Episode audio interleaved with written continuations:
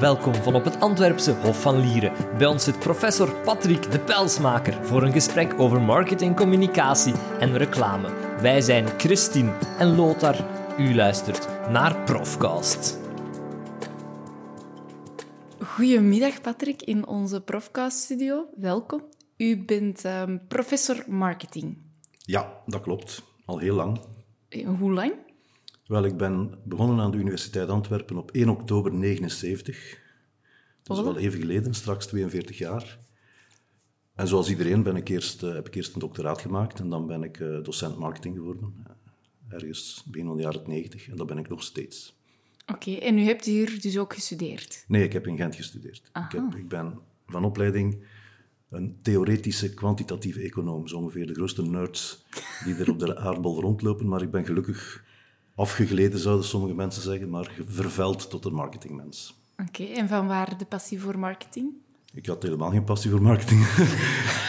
nu, eh, en, ja, nu misschien wel, maar eh, op dat moment, zoals dat vaak gaat, was hier een plek en ik was hier graag. En dat, ik moest me dan herscholen tot, eh, tot marketingmens, waar ik niks van af wist op dat moment. En dus heb ik dat maar gedaan, omdat ik vond dat ik hier wel op mijn plaats was en de job graag deed. En het is gelukt. Ik mag hopen van wel, ik heb er lang genoeg over gedaan. 42 jaar ondertussen. Ja, ja. Voilà. Oké. Ehm, en u doseert ook wel een aantal vakken hier de- aan de faculteit. Ja, minder dan vroeger, maar ik heb altijd eh, marktonderzoek gedoseerd, vele jaren lang.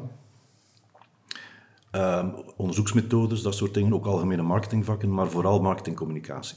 Dat is zo'n beetje mijn kerndiscipline, waar ik ook... eh, Marketingcommunicatie. Oké, en wat houdt dat juist zien? Marketingcommunicatie is alles wat bedrijven doen om hun spullen te verkopen. Ik bedoel daarmee eh, reclame maken, promoties verzinnen, ehm, public relations acties, events, eh, dingen sponsoren. Alles waarmee je communiceert met je doelgroep, met de uiteindelijke bedoeling om ja, je producten of diensten aan de man of de vrouw te brengen. Dat is eigenlijk marketingcommunicatie. Dus reclame is daar een, eh, een belangrijk onderdeel van, maar zeker niet, zeker niet het enige. En wat is het verschil dan tussen marketing gewoon en marketingcommunicatie? Wel, bij marketing zit veel meer. Hè. Dat is eh, bijvoorbeeld alles wat te maken heeft met nieuwe productontwikkeling, nieuwe producten op de markt brengen of verzinnen. Ehm, alles wat met prijsbeleid te maken heeft. Hoe gaan we dat verkopen, tegen hoeveel? Alles wat te maken heeft met distributie, retailing. Waar gaan we onze diensten en producten aanbieden? Welke fysieke of online kanalen? En dan heb je tenslotte ook nog marketingcommunicatie. En dat is het communiceren over en promoten van eh, diezelfde dienst. Dus markt, eh, marketing zelf, daar zit ook nog onderzoek bij, marketingonderzoek.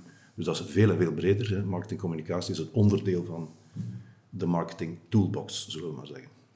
Het ding is dat bij marketing denken denk ik veel mensen aan reclame. Maar in jouw geval is het dus effectief zo dat, je, dat reclame wel een groot onderdeel uitmaakt van... Reclame is een belangrijk onderdeel. Iedereen kent reclame, iedereen ziet continu reclame. Dus veel mensen hebben dezelfde associatie, die associëren marketing met reclame. Maar eigenlijk is, waar het echt gebeurt, is natuurlijk in de winkel of op een bankkantoor, echt op de fysieke plek.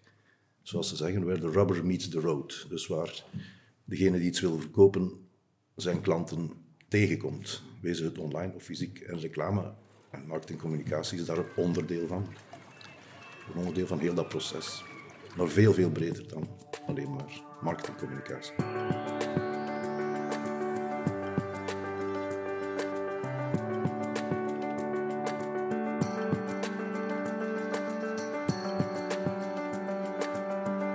We zullen het eens hebben over reclame. Dat is uw vakdomein. Is reclame anno 2021 eigenlijk nog niet dood? Nee, reclame is ehm, zeer springlevend. Ehm, ik heb in de aanloop naar dit gesprek even wat cijfertjes opgezocht. En bijvoorbeeld wereldwijd, vorig jaar, is er 720 miljard aan reclame uitgegeven. Dollar. Dus dat is 600 en zoveel euro. Eh, dat stijgt elk jaar. Er was in 20 wel een beetje een dip, wegens de gekende omstandigheden natuurlijk van corona. Maar de projectie is dat dat tegen 2024 820 miljard zal zijn. Dus dat is 100 meer op ja, drie, vier jaar tijd. Hè. Dus dat blijft stijgen. Natuurlijk, de aard van reclame wordt anders. Hè. Eh, dat is waarschijnlijk een open deur intrappen, maar waar vroeger reclame geassocieerd werd met kranten, magazines en tv en, en, en borden op straat, is dat nu natuurlijk in toenemende mate digitaal. Hè. Dus in 2020 was het grote omslagpunt dat meer dan de helft, iets meer dan de helft van alle reclame wereldwijd online reclame was. Maar tot dan was het grootste gedeelte van de reclame offline en zelfs uitgesproken offline. Hè. En vooral tv-reclame. Hm? Dus de rest van die, van die 50% of 48, of hoe het ook wil, dat is grotendeels tv-reclame. Dus je hebt van alle reclameuitgaven zijn er 30% tv, nog steeds. Hè, wereldwijd, hè, dat verschilt natuurlijk. Dat zal in uh, Korea anders zijn dan in, uh, in Bolivie. Hè. Maar oké, okay, in orde van grootte zal dat niet veel verschil maken. Dus 30% tv-reclame en dan ja, dit jaar 2,53% online. Eigenlijk vind ik dat nog veel, 30% tv-reclame. Ja, maar dat wordt onderschat. Allee, reclamemensen die volgen eigenlijk altijd... Wat reclamemensen zoeken zijn relevante eyeballs, zoals ze zeggen. Ze zoeken ogen. Hè? Mensen die de reclame zien, waarbij ze dan willen opvallen en overtuigen. Zorgen dat mensen de boodschap uh, uh, oppikken en dat mensen daardoor geactiveerd raken. Het zijn een webshop bezoeken, het zijn een fysieke winkel bezoeken, het zij uiteraard ultiem iets kopen. Trouw blijven, maar het eerste begin is altijd eyeballs. Je moet eerst mensen bereiken alvorens je ze kunt overtuigen. En natuurlijk reclamemensen zoeken eyeballs waar ze zijn. En dus heel die shift naar online reclame is natuurlijk een gevolg van het, de shift van het mediagebruik van offline naar online. Ook daar heb ik een paar, een paar cijfertjes van uh, bij elkaar gehaald. Um, totale mediagebruik is 8 uur per dag. Per persoon? Per persoon. Gemiddeld? Wereldwijd, gemiddeld, ja. Maar die 8 uur, daar zit multiscreening in. Dus je zit natuurlijk geen 8 uur achter een scherm, maar je zit bijvoorbeeld ik zal een extreem voorbeeld geven. Je zit vier uur naar uw tv te kijken en vier uur op uw smartphone te kijken. Dus samen is dat acht uur. Hè. Dus de, de zitten, die dubbeltellingen zitten daarin, zogezegd. Hè. Of je luistert naar de radio en je zit te tokkelen op je laptop. Dat is twee keer twee uur dan. Hè. Dus de, al, al die dingen samen zijn dan acht uur. En dat was tien jaar geleden maar zeven uur. Dus dat is een fikse stijging. Allee, gegeven het feit dat het al veel was, en er komt nog een uur bij op tien jaar tijd, is dat eigenlijk best wel veel. Hè. Um, in 2011 was 18% dat is niet zo lang geleden, dat is maar 10 jaar geleden, 18% was internet. Van al dat mediagebruik. Van die, van die 7 uur was 18% internet en nu is dat ongeveer 40% Dus 40% van alle schermtijd of mediatijd die mensen gebruiken, is gerelateerd aan het internet zonder werken. Puur niet werkgerelateerd internet is 40% van alle entertainment mediagebruik. Ik had eigenlijk zelfs nog meer gegokt, denk ik. Ja, maar dat is typisch zo. Hoe jonger dat je bent, hoe hoger dat je denkt dat dat percentage is. maar je moet rekenen bijvoorbeeld als een getal dat mij voor ogen staat. Gelijk in West-Europa bijvoorbeeld wordt gemiddeld per dag, per persoon, alle personen die leven en kunnen kijken, um, wordt nog meer dan drie uur naar tv gekeken per dag. Gemiddeld over alle West-Europese landen heen, van vier jaar tot 94. Allee, alles en alles daartussenin. Hè. Dat is toch ook wel gigantisch veel, hè? Dat is veel. En, en internetgebruik is, denk ik, als ik het goed heb, 4,5 uur ongeveer. Dus dat is meer, maar ook niet super spectaculair meer. En maar met dat internetgebruik, dan hebt u het over persoonlijk internetgebruik. Dus niet over werkgerelateerd. Nee, nee, nee. Werkgerelateerd, e-mails lezen en zo zit er allemaal niet in. Hè. Dus puur um, voor de fun. Hè. Allee, of voor, ja, om iets op te zoeken, maar niet werkgerelateerd internet. Maar dus mensen onderschatten dat altijd. Um, TV is nog steeds een heel belangrijk kanaal, ook voor marketingmensen, om de simpele reden dat nog altijd heel veel mensen tv kijken en vele uren per dag. Hè. En natuurlijk zal een 18-jarige minder tv kijken dan een 70-jarige gepensioneerde, en dat spreekt vanzelf. Hè. Dus dat zijn gemiddelden. Ja. Dus natuurlijk bij jongeren is dat veel en veel en veel minder. Hè. Misschien nog een uur per dag of zo. Ja. En dus dat, dat weerspiegelt zich in de reclamegegevens, omdat ja, die bedrijven volgen de eyeballs, hè, waar ze zijn. Hè. Er zijn trouwens veel bedrijven die gaan toegeven dat ze, om echt om dingen te lanceren of echt bekend te maken, toch nog altijd tv nodig hebben. De bol.coms en de Zalando's, waar adverteren die? Op tv ook. Hè. Dat is niet is voor goede reden.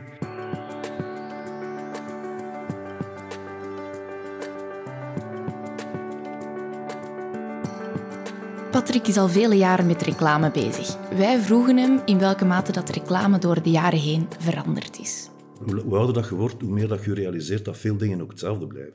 Alleen geven ze er een andere naam aan dan. Dat is zo, dat is zo typisch. Zo, geven ze een voorbeeld. Ja, wel, vroeger had je zo het, het, begrip van wat men de sales funnel noemde. En waar komt dat op neer? Er is een hele hoop volk En je wilt zo groot mogelijk deel van dat volk, je doelpubliek, een product verkopen. Dat is het einde van de trechter. Begin is die trechter groot, dat zijn veel mensen. Maar ga natuurlijk niet door tegen die mensen te roepen, koop mij, gaan ze dat natuurlijk niet allemaal doen. Dus je moet die door die funnel halen. Dat wil zeggen dat je iemand moet geïnteresseerd krijgen, dat hij aandacht aan u besteedt. Dat je die iemand wel eens een keer naar uw winkel wilt lokken, waar hij een keer rondkijkt. Dat hij een keer praat met iemand die, met een verkoper. Uh, dat hij zegt, weet wat, stuurt mij uw, nieuws, uw nieuwsletter maar op. Ja. En op het einde van de rit zegt hij, en nu mogen je een keer proberen, dat kost niet veel, probeer dus iets en dan doe je dat. En dan op het einde van de rit koop je heel het product. Dat is de sales funnel. Dat is 60 jaar oud. en nu, um, dat is zo typisch voor marketing ook, denken mensen, ja, we moeten een keer een model verzinnen voor online marketing. En waar komen ze dan mee af? Dat is een heel bekend schemaatje zo, dat heet tofu, mofu en bofu. Tofu is top of funnel, mofu is middle of funnel en bofu is bottom of funnel. En dat wordt dan voorgesteld door de goeroes als iets nieuw, maar dat is oude wijn in nieuwe zakken, dat is gewoon juist hetzelfde. Dus als je een internetcampagne doet, een online campagne, begint je met een brede doelgroep waar je wilt bij opvallen. Dat is tofu. Niet het voedsel, maar... Hè. Dan probeert je van die mensen leads te maken. Dat zeggen, laat uw e-mailadres achter en je stuurt die naar een landingpage en je zegt, laat uw e-mailadres achter en moet onze newsletter niet hebben en kunnen we geen brochure doorsturen. Oké. En als je die vast hebt, dan de volgende stadium is van, je kunt misschien een keer iets proberen. Hè. Hier is iets klein, kost niet veel. Hè. Krantensites doen dat ook. Hè. Voor 1 euro per maand kunt u, hè, en dan heb je een beperkt aanbod, en dan denken mensen, oh, dat zie ik wel zitten, ik zal een volledig abonnement nemen. Dus tofu, mofu, bofu, maar dat is krak hetzelfde als een oude sales funnel. De, logica is dezelfde. Ik vind een mooie metafoor eigenlijk, um, is de volgende. Vroeger was reclame maken uh, een bowlinghall gedoe. Hè.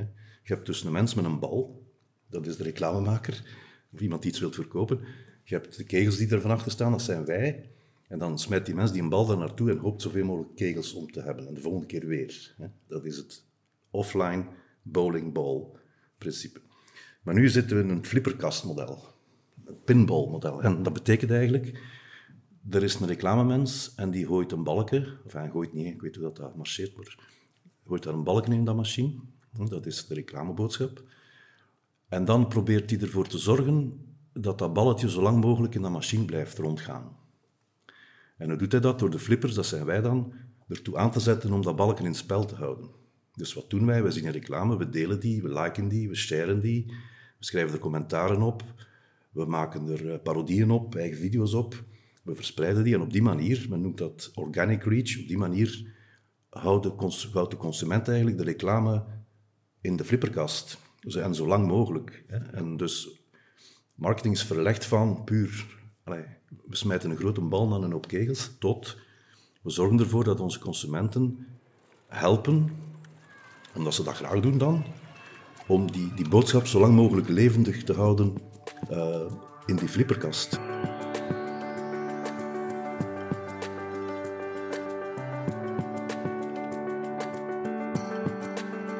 Sinds enkele jaren domineren twee grote spelers de reclamemarkt.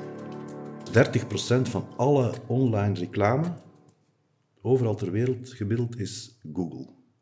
AdWords. Dus gewoon keywords kopen en zorgen dat uw reclame gelinkt wordt aan mensen die die keywords uh, opzoeken. Dat is natuurlijk de droom van elke reclamemaker, want je bent per definitie relevant.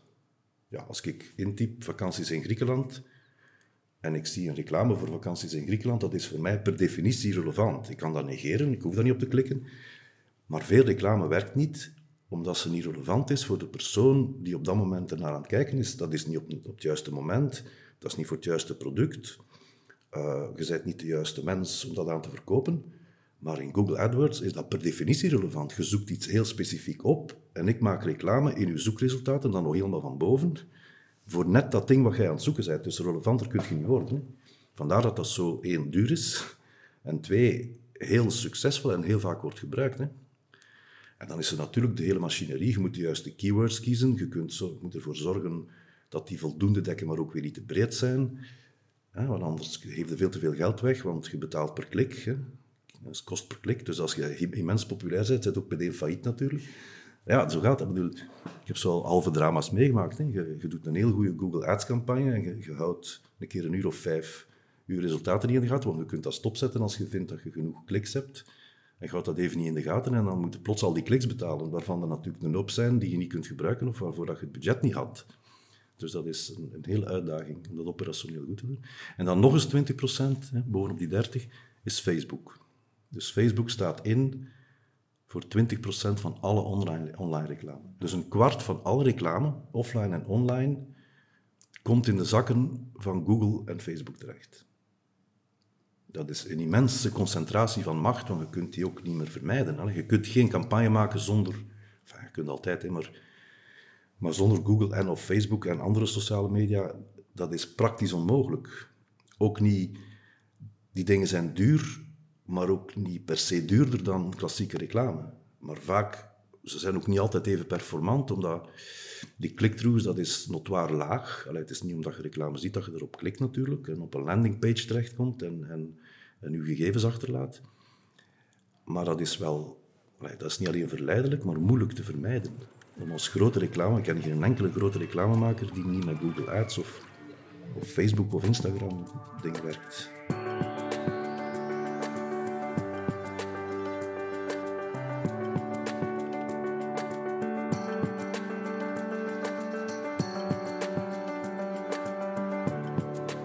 Een ander nieuw fenomeen, maar ik zei daarnet, veel dingen zijn niet nieuw, alleen klinken ze niet, maar bestaan ze al lang, is influencer marketing. Ik ken geen enkel groot bedrijf dat niet een substantieel deel van zijn budget besteedt aan influencer marketing.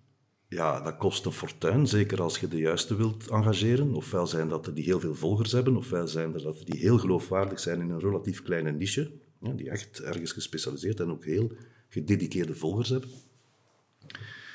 En die best wel wat betaald worden in natura of, of in geld of in allebei, om een product te pushen hè, in hun kanaal, in hun influencerkanaal. Dat is, ik ken bijna geen enkel. Er zijn zelfs veel bedrijven die zeggen dat is in veel campagnes het grootste, de grootste hap uit ons budget. Is influencers betalen. Ik vraag mij af, hebben jullie daar al onderzoek naar gedaan? Is dat, iets, is dat academisch al bewezen? Ik denk soms dat dat een beetje een bubbel is, dat influencerverhaal. In welke mate hebben die echt invloed op het aankoopgedrag? Want sommige influencers die, ja, die, die uh, maken reclame voor alles. Dat ik denk ja. van, met die volgers... Allee. Nee, ik denk... Je kunt het een beetje vergelijken, maar het is toch weer anders. Je hebt al, dat is ook al iets dat jaren bestaat, um, celebrity endorsement. Dus bekende acteurs of sporters een product laten promoten.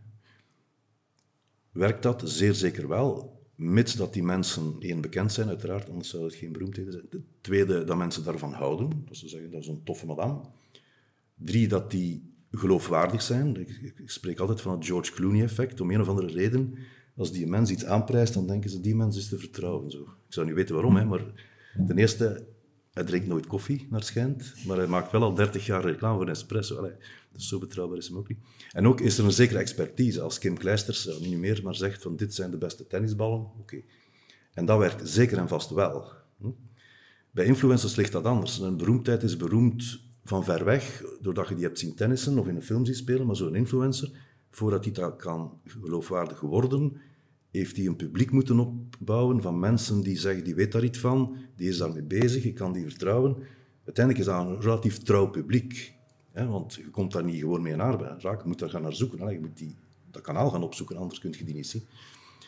En dus, bijna per definitie, hebben die een grote credibiliteit bij hun volgers. Maar als je natuurlijk begint met voor om het even wat als influencer reclame te maken, dan zitten we in een, slecht verhaal, denk ik. Ik denk dat niet. Maar je hebt bijvoorbeeld micro-influencers, die hebben enkele duizenden, tienduizend volgers, maar die zijn hondstrouw en die zijn gespecialiseerd in iets heel specifiek, levensstijl, gezonde voeding, whatever.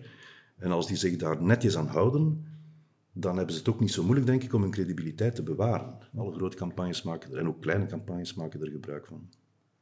Tot het weer zover zal zijn dat dat oververzadigd raakt en iedereen dat zo beus als koude pap. Is daar onderzoek naar gebeurd? Ja, niet, niet hier. We hebben dat nog niet gedaan.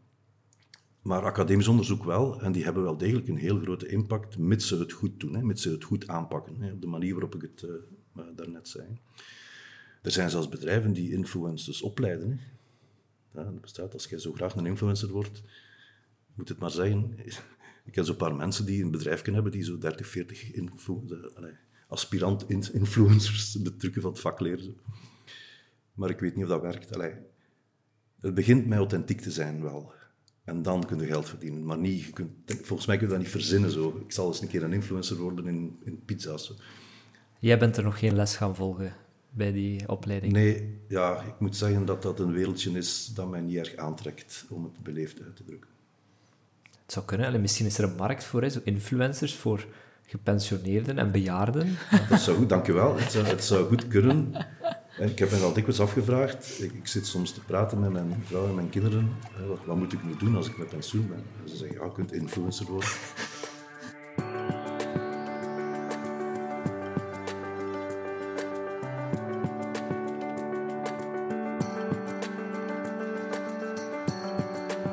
Een van de basisregels in reclame is, je mag de mensen niet bedriegen. Ik vind het altijd een geweldige. Er, zijn zoveel codes van ethische reclame. Ik heb zo'n negen jaar in de JEP gezeten, de jury voor ethische praktijken in reclame. En wij kregen dan klachten van mensen die zeggen, die reclame liegt. En dan moesten wij dat onderzoeken. En dan verboden wij die, of lieten we die toe. Uh, en dus reclame, regel 1. En er zijn dus ethische codes waarop wij ons baseren, natuurlijk wetgeving. Maar een van de eerste regels is altijd één, reclame mag niet liegen. Reclame mag ook niet de waarheid verzwijgen. Er is een hele grote grijze zone tussen liegen, de waarheid mooier voorstellen dan ze is. En uiteraard dient reclame om te verleiden. Hè. Vroeger stond in de wetgeving, reclame is alles wat mensen informeert over producten, maar dat is voor te lachen. Reclame is verleiding, je moet daar ook niet lastig over doen. Dat is geen informatieverspreiding, dat is mensen verleiden om je product te kopen. Ja. Maar tussen verleiden en misleiden is de, de grens vaak nogal dun. Bijvoorbeeld, je hebt wat men in het Engels noemt puffery. Puffery is overdrijving. Hè, zo, dus echt over de top. En puffery in reclame is niet verboden, omdat men ervan uitgaat, de gemiddelde intelligente consument heeft dat wel door. Natuurlijk, reclame wordt ook gezien door de gemiddelde domme consument die dat niet door heeft. Dus dat is een heel debat altijd. Er was vroeger een reclame van Samsonite, hè, de valiezen. En je zag dan een, een, valies op de weg liggen en daar reed dan een 30 tonner over en er was niks aan aan die valies. En dan kregen ze een klacht aan hun been, dat kan niet. Nee, dat kan, natuurlijk kan dat niet. Maar ze gaan ervan uit, iedere min of meer normale mens weet dat dat niet kan en dat dat een metafoor is, alleen een beeldspraak is. En dus ze zijn ook niet veroordeeld. Omdat ze ja, wie is er nu zo stoem om te denken dat er een 30 tonner over uw valies gaat denderen en dat die daar gaat onderuit komen en niks aan? Veel mensen.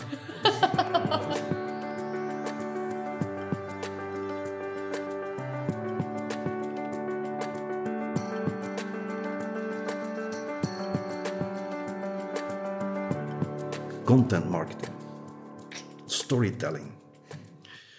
Je kunt daar overal cursussen van volgen. Nu. Dat is ook zo uit als de straat. Wat luisteren, waar luisteren mensen naartoe en wat onthouden ze? Verhalen. Dat is van alle tijden. Hè? Wat onthoud je? Een verhaal. Wat geeft inhoud aan een merk voor u?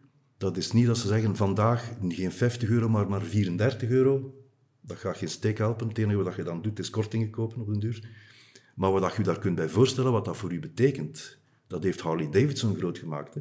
Al die juppies van 40 jaar, die in hun Armani-pak op een Harley Davidson door San Francisco scheuren, dat was ook niet het oorspronkelijke doelpubliek van Harley Davidson. Hè?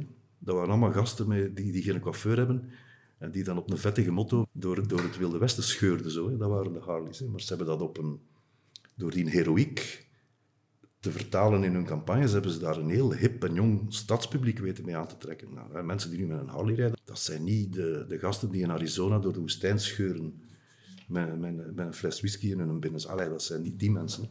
Maar dat is wel... Die mensen zijn wel tot Harley gekomen omwille van het veel inhoud geven aan die heroïek van die oude... Die hebben al jaren uh, een fanpage en een brandpage, een brandcommunity uh, en ook op hun eigen site doen ze dat, waar ze consequent die stories levendig houden en die, die dat merk inhoud geven als uh, de merk, het merk voor uh, mensen die van avontuur houden, die iets speciaals willen in hun leven.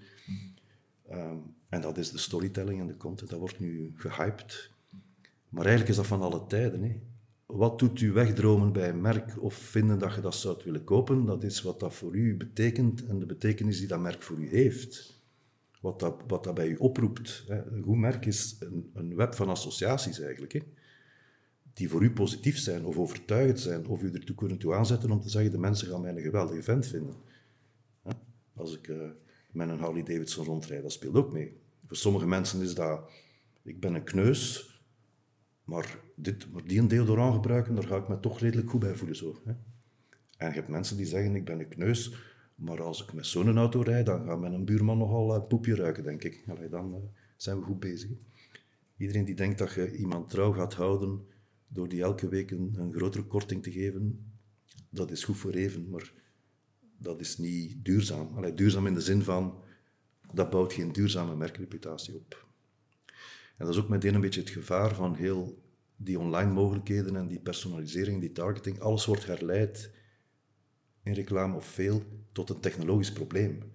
Ik bedoel, hoe moet je instellingen in de, in de Facebook ad campaign erin zetten om zoveel mogelijk mensen tegen zo laag mogelijke kosten. Dat is allemaal, dat is een fabrieksje, dat is een mechaniek. Maar de hele gedachte van, wat willen we die mensen dan vertellen? En je moet zorgen dat ze klikken en op je landingspage, dat is allemaal waar, en conversie, dat is allemaal belangrijk. Maar op termijn is het veel belangrijker van uw merk aantrekkelijk te maken door wat het voor mensen betekent. Allee, dat is minstens zo belangrijk. Daar inhoud aan geven die mensen kan... Allee, de, de, laten we zeggen, de klanten van Apple, dat zijn de, van de meest fanatieke mensen die ik ken. Maar dat komt niet doordat Apple kortingen geeft. Integendeel, ze zijn pokken duur en veel te duur. Ja, de marges van Apple die wilde niet kennen. Hè. Dat is gigantisch. Hè. Maar je hebt een hondstrouw publiek, omdat natuurlijk die hele, die hele sfeer, zo'n beetje die controversiële sfeer van de oude dagen, wij zijn tegen al die grote molochs, wij doen onze zin en wij doen iets speciaals en wij zijn mooi. Voor, Apple moesten computers niet mooi zijn. Hè. Dat was een, dom criterium. Dat was goed gedesigned, supergebruikersvriendelijk. En dat heeft een, schare trouwe fans die nog altijd die erfenis mee willen beleven. En dat maakt dat merk sterk. En dat zorgt ervoor dat je twee keer zoveel voor een Apple kunt vragen als voor, uh, als, voor een andere computer, voor een andere laptop. Die mensen daar dan graag voor betalen, omdat ze echt het gevoel hebben dat ze iets speciaals hebben. Op betwisten val, maar Maar zie dat is het verhaal, denk ik, van goede marketing en dus ook van goede, goede reclame. Dit was Profcast met Patrick de Pelsmaker. Bedankt voor het luisteren. Wil je meer horen? Surf dan zeker naar uantwerpen.be schuine streep profcast.